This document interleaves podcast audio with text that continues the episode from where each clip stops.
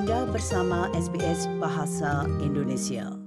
Nah, jika Anda baru saja bergabung, Anda masih bersama SBS Audio program Bahasa Indonesia. Sebagaimana biasa, untuk dengar ulang di podcast, Anda dapat kunjungi situs kami di www.sbs.com.au garis miring Indonesian. Dan jika Anda ingin memberikan saran, masukan, bahkan kritikan, Anda dapat mengirimkannya ke Facebook kami atau ke indonesian.program at sbs.com.au itu ataupun juga Anda dapat kontak langsung kami di 0294303135 atau nomor lainnya 0399492208. Nah rupanya tamu kami untuk siang hari ini juga sudah berada di jalur jadi saya akan segera bergabung dengan Bapak Irwan Santoso beliau dari Sydney. Selamat siang Pak Irwan. Selamat siang Bu Sri Dian. Nah, rupanya Pak Irwan belum bisa mendengar saya. Oh, okay. Selamat siang Pak Irwan. Okay. Selamat siang. Selamat siang.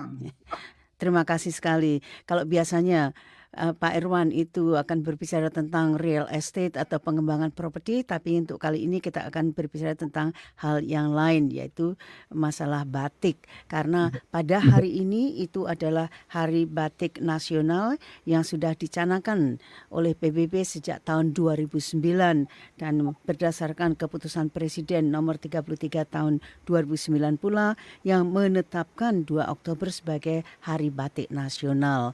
Nah, ada dua lagi sebetulnya tokoh yaitu tokoh apa kolektor batik yang sangat-sangat terkenal di Indonesia yang sudah pernah pula menerima upakarti dari Presiden Bambang Yudhoyono pada tahun 2019 yaitu Bapak Hartono Sumarsono. Selamat siang Bapak. Selamat siang Ibu Sridian. Terima kasih sekali Bapak. Dan juga sebetulnya kami mengundang Ibu Lolita, tapi mungkin beliaunya belum muncul di layar kami. Beliau juga seorang pecinta wastra dan juga seorang kolektor. Mungkin kita mulai saja untuk menghemat waktu. Jadi Bapak-bapak sebetulnya apa sih arti arti penetapan batik itu sebagai intangible heritage Indonesia itu atau warisan budaya Indonesia yang ya intangible itu maksudnya. Silakan Pak Hartono. Ya uh, uh, mengenai mengenai uh, sebagai warisan sebagai warisan budaya dunia. Ya memang ya kalau memang ya. kalau uh, lihat lihat sendiri dari dari bat itu di berbagai itu di berbagai belahan dunia ada Nah, tetapi nah, yang paling tetapi yang paling berkembang dan yang dan yang paling diminati oleh diminati masyarakat, oleh masyarakat itu batik itu sendiri. Ya, sebentar bukan Bapak. Hanya, bukan ini, hanya itu. Ya, sebentar Bapak. Ini suara Bapak kok pecah ya? Apakah Bapak uh, apa namanya? Iya, ini sangat uh, pecah sekali. Halo, ya, Bu, ya, Bu. Iya. Sudah, belum. Sudah, Masih, belum. Pecah. Mas, eh, pecah. Mungkin mungkin mungkin mungkin jangan pakai apa loudspeaker Bapak mungkin. Dan pakai loudspeaker. Dan pakai loudspeaker. Iya, iya. Kalau ya. loudspeakernya sudah, artinya itu ya, ya, ya. Sudah, itu Bu? lebih bagus. Sudah, silakan. Bu? Ya, silakan Bapak. Sudah terdengar. Sudah terdengar. Iya. Baik. Uh, tapi kita nggak bisa dengar ya. Tapi kita nggak bisa dengar ya. Uh, di sini saya belum. Uh, di sini saya belum nggak bisa dengar bu. Halo. Oh. Halo. Iya iya iya iya. Enggak maksudnya maksudnya loudspeaker oh. itu loudspeaker yang Coba. untuk di luar itu. Dari awal, dari awal. Iya. Awal ditungguin ditungguin. Bagaimana Bapak sudah sudah bisa mendengar saya sekarang? Tes. Ya, suaranya ya. masih ya. suaranya Bapak, masih pecah bu. Bapak, Bapak, ya, kami, ya saya akan mengatakan kepada David kalau suara Bapak uh, tidak bisa terdengar itu. Jadi um, mungkin mungkin apa namanya? Coba Bapak berbicara. Iya bu. Iya bu. Sekarang Bagaimana sekarang? Iya, saya bisa mendengar Baik. Bapak. Apakah Bapak bisa mendengar saya? Itu yang penting. Ya, uh, cuman suaranya ya, kecil uh, sekali. Cuman ya. suaranya kecil sekali ya. Suara saya uh, kecil. Sebentar saya, uh, sebentar saya itu lagi. Ya, ya okay. mungkin dapat ya, di, okay. di mungkin ya. dapat diperjelas Bapak itu. Ya. Untuk Bapak. Ya, ya sudah ya. sekarang bisa ya, ya sudah sekarang bisa ya Bu ya. Iya, iya, iya. Okay. Jadi Bapak, okay. apa ya. itu artinya batik itu sebagai warisan budaya itu? Ya. Ya. Uh, seperti yang tadi saya katakan, tadi saya katakan bahwa memang batik itu yang paling berkembang di dunia ini adalah di Indonesia. Adalah di Indonesia. Ya. Jadi ya. banyak jadi negara banyak negara yang membuat batik. Ya. Nah, tapi yang di Indonesia, tapi yang di Indonesia ini memang betul-betul yang paling istimewa. Dan juga kalau dan juga kalau kita melihat batik-batik dari keraton, itu nah, itu motifnya itu mempunyai makna jadi punya jadi punya arti sendiri gitu, gitu untuk ya. setiap tidak, setiap batiknya ya oleh punya oleh negara-negara lain ya nah, nah nanti itu kita mengenai kita lihat juga Ya, kita bicarakan nanti Bapak mengenai motifnya itu sendiri. Saya ingin memperkenalkan Pak uh, Iwan dulu itu. Jadi tadinya apa yang mendorong Pak Iwan untuk menjadi seorang kolektor, Bapak? Sebenarnya sebenarnya saya ini suaranya ini suaranya double ya. Karena saya Kalau karena Bapak, saya tadi Iya, ya saya bisa dengar Bapak. Saya bisa dengar dengan Bapak. Iya. Buat saya itu buat saya itu double Iya, mungkin kalau Bapak memakai apa? Memakai earphone atau headset itu mungkin akan lebih bagus. Mungkin. Iya, silakan Bapak. Ya. Jadi gini, jadi gini pertama kali pertama kali SMA itu SMA itu saya untuk dipakai untuk dipakai baju ya. Pada waktu pada waktu itu pakai pakai batu cap lah cap lah karena karena untuk batik. sangat mahal sangat saya, mahal. saya begitu saya begitu saya bekerja.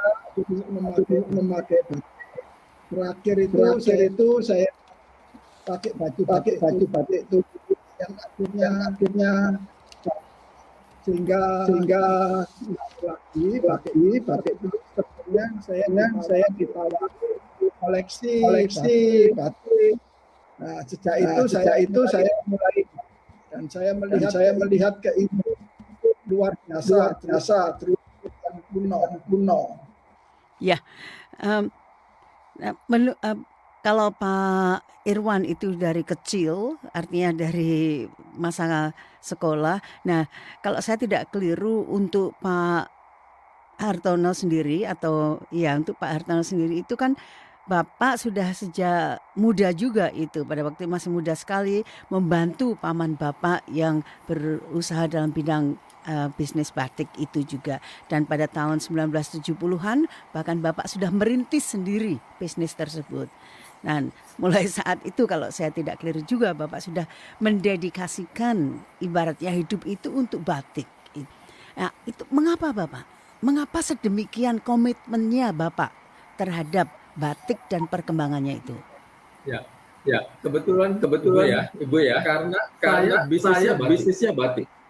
Nah itulah, nah itulah sebetulnya, sebetulnya waktu, waktu era tahun awal 80-an ya, 85, 85 kayak begitu saya ya. saya uh, hobi dengan keramik, dengan keramik Cina. Jadi saya suka Jadi belanja, saya suka belanja keramik Cina itu di Jalan Surabaya, Jakarta, ya, di Jakarta di Menteng itu kan ya yang sangat terkenal. Lalu dari Lalu situ dari situ saya mendengar dari pedagang-pedagang minyak bahwa batik-batik yang bagus dibawa oleh orang-orang mancanegara nanti dia bilang, nanti dia bilang sekali waktu di Indonesia sudah tidak ada lagi yang batik yang bagus. Ya, saya berpikir, ya, saya berpikir, saya waduh, bisnisnya saya batik. bisnisnya batik. Lalu, lalu kalau sampai kalau sampai mendengar perkataan semacam itu, sangat kasihan sangat sekali, kasihan ya. sekali ya. Sekali nanti sekali waktu kita pengen lihat batik yang bagus itu tidak ada di Indonesia. Nah itulah sejak itu mulai ada rasa eh, terenyuh di hati untuk mengumpulkan batik. Sejak itulah saya mengumpulkan batik. Ya. Tapi Bapak tidak tanggung-tanggung ibaratnya begitu kan? Bukan saja artinya itu waktu tapi juga dana. Itu menanamkan modalnya di situ itu dengan ya tidak dapat dibayangkan lah kalau menurut saya itu Bapak. Jadi eh, kepuasan apa yang yang Bapak dapatkan dari usaha Bapak itu?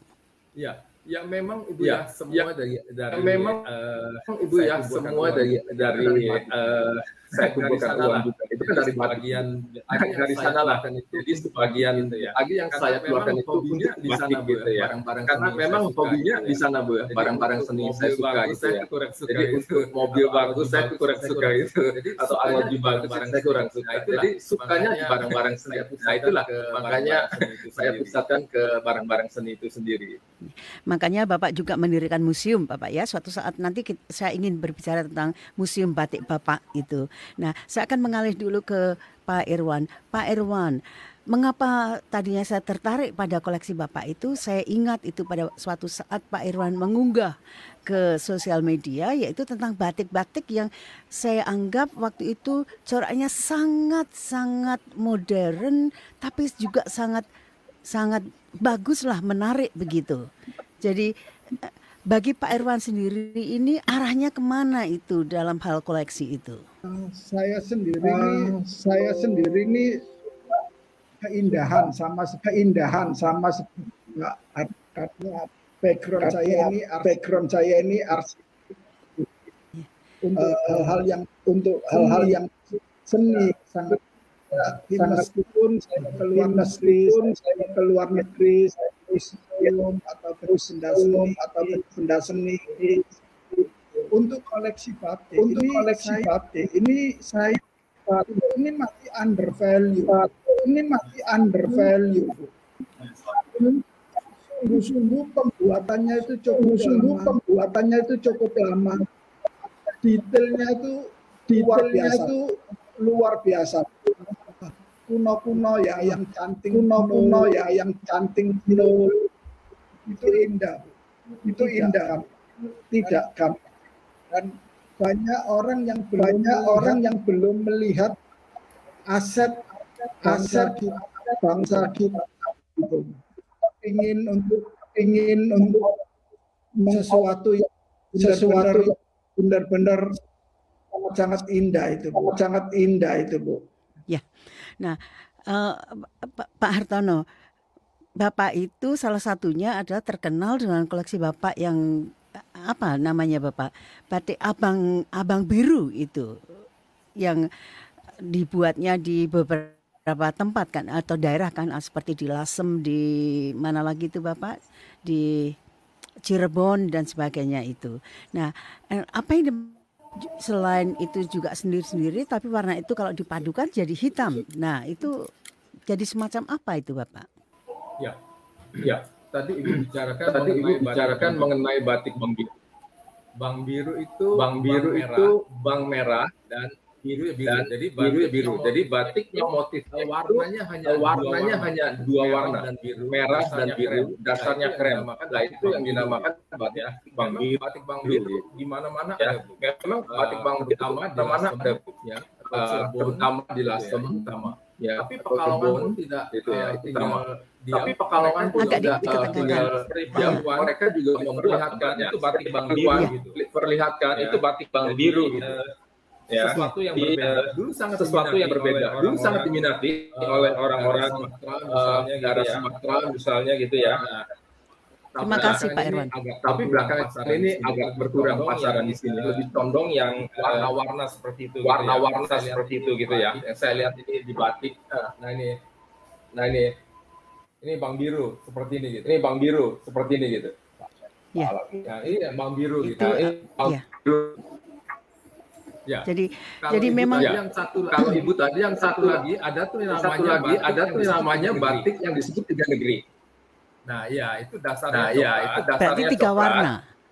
Terus uh, terus uh, merahnya dibuat di laser. Merahnya dibuat di laser. Warna warna dan coklat uh, dan birunya uh, dibuat di Solo. Birunya dibuat di Solo. Yaitu batik tiga negeri. Tapi menurut cerita konon dulu itu dibuat di tiga tempat merahnya di Lasem, merahnya di Lasem, birunya di Pekalongan, uh, birunya di Pekalongan, uh, itu, sobanya atau coklatnya itu di Solo. Tapi yang tapi yang kita buktikan bahwa buktikan bahwa memang ada hanya di dua itu yaitu di Lasem dan Solo.